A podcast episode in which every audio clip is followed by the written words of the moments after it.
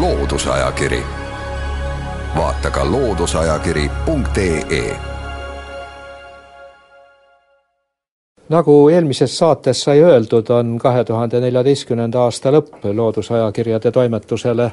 väga trükisterohke ja muuhulgas siis on jälle ilmunud ka sarja Lehed ja tähed seitsmes raamat. räägime sellest raamatust ühega raamatu koostajatest, toimetajatest Indrek Rohtmetsaga, kes on ka kõigil eelnenud kuuel korral olnud Lehtede ja Tähtede toimetajate hulgas, alguses üksi, pärast siis koos kolleegidega, kord Toomas Tiiveli, kord Toomas Kukega ja nüüd siis noore kolleegi Ulvar Kärdiga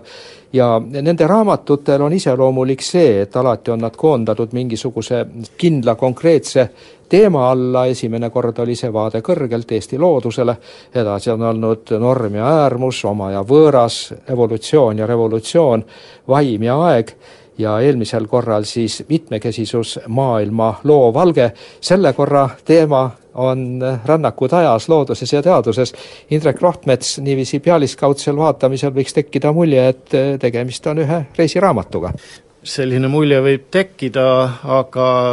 Lehed ja tähed on populaarteaduslik artiklite kogumik. Oma olemuselt, ta on asutatud loodusajakirjade kõrvale, et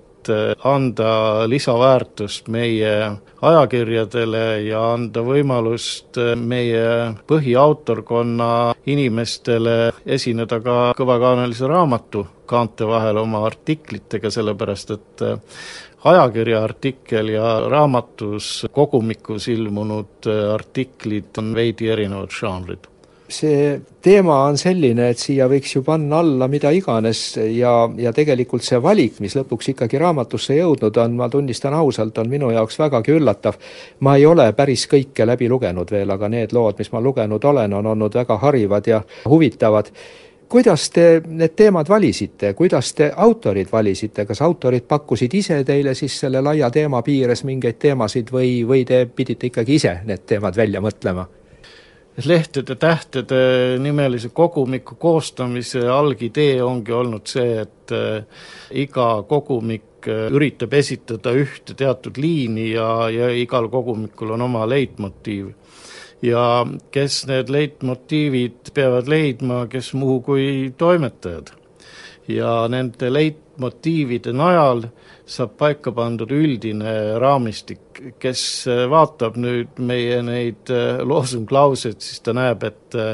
need annavad ikkagi hingamisruumi ja annavad võimalusi autoritel teemadega mängida ja, ja eelkõige just annavad toimetajale võimalusi autorite ringi võimalikult suureks kasvatada. seda tuleb mul küll tunnistada, et siin ei ole kunagi olnud eh, ühtegi juhuslikult saabunud eh, artiklit, need lehtede tähtede materjalid on ikkagi toimetajate poolt alustatud tööga ja pärast koos autoritega veel siis seda asja lihvides valminud ja saanud kokku sellised, nagu nad on. see loosunglause või leitmotiiv, see annab selle võimaluse, et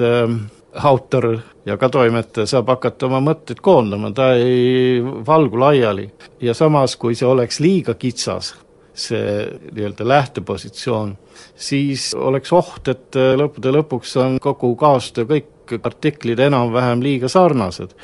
Praegusel juhul me oleme oma poliitikas lähtunud sellest, et äh, raamat oleks lugejale huvitav ja mitmekesine. ja need loosunglausid on seda võimaldanud, sa siin küsisid, et kas ta siis on nüüd reisiraamat, äh, reisida võib igat moodi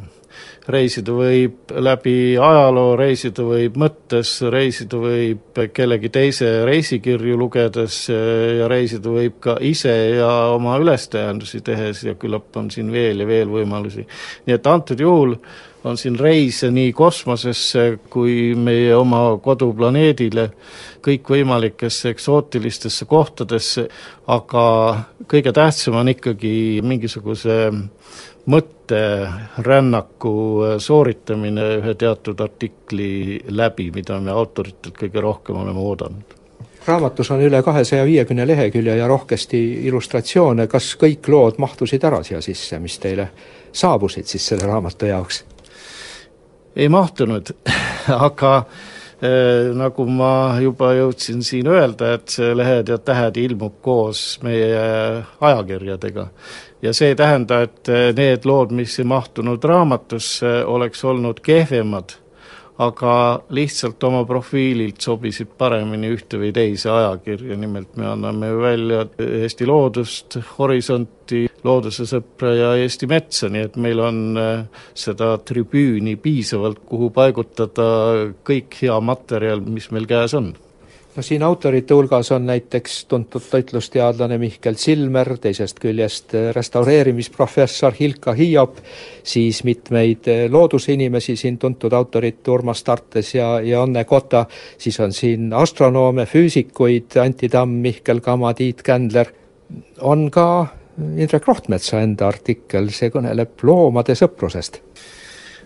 millegipärast ei ole keegi eh, minu üle irvitanud, et vaata nüüd Rohtmets, mis sa teed, et kirjutad loomade sõprusest. kõik on eh, ikkagi pigem vaadanud seda sellise pilguga, et, et see on teema, mida ka loodusteadus võib uurida ja loodusteadus ongi hakanud uurima, kuigi see asi on läinud kriginal, aga teatavasti juba esimesed eh, loomade käitumisteemalised artiklid, mille eest hiljem anti välja juba Nobeli preemia, nende üle naerdi ja peeti teda belletristikaks. tegelikult äh, loomade sõprus ei ole absoluutselt selline teema, millest võib äh, kirjutada, et näed, kuidas äh, kass ja koer koos rõõmsalt aega veedavad, see on täiesti teadusliku uurimise teema, ma olen umbes aasta aega tegelenud selle võimaliku algmaterjali ja kirjanduse kokkuhankimiseks ja see teema huvitab mind, kahjuks on artikkel liiga lühike, et ta võiks pretendeerida ammendava ülevaate peale, aga see annab vähemalt võimaluse miks mitte siis mõttes kaasa rännata hoopis teistel teemadel, et, et me ei ole sugugi ainsad siin oma ettekujutustes, et inimene on loomariigist jõudnud nii kaugele, et peab luubiga vaatama, kus see loom on.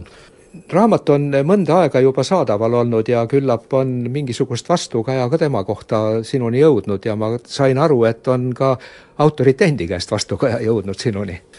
tõepoolest, Eestis ei ole kahjuks üldlevinud tava, et äh, kui keegi äh, midagi teeb, kas siis head või halba, et talle siis helistatakse, no teatavasti on olemas netikommentaarid, aga nendest ma ei tahaks rääkida, ma mõtlen inimeste äh, omavahelist konkreetset suhtlemist. on toimetusse pöördutud ja on mulle endale öeldud, et tulemus on olnud huvitav ja inimesed loevad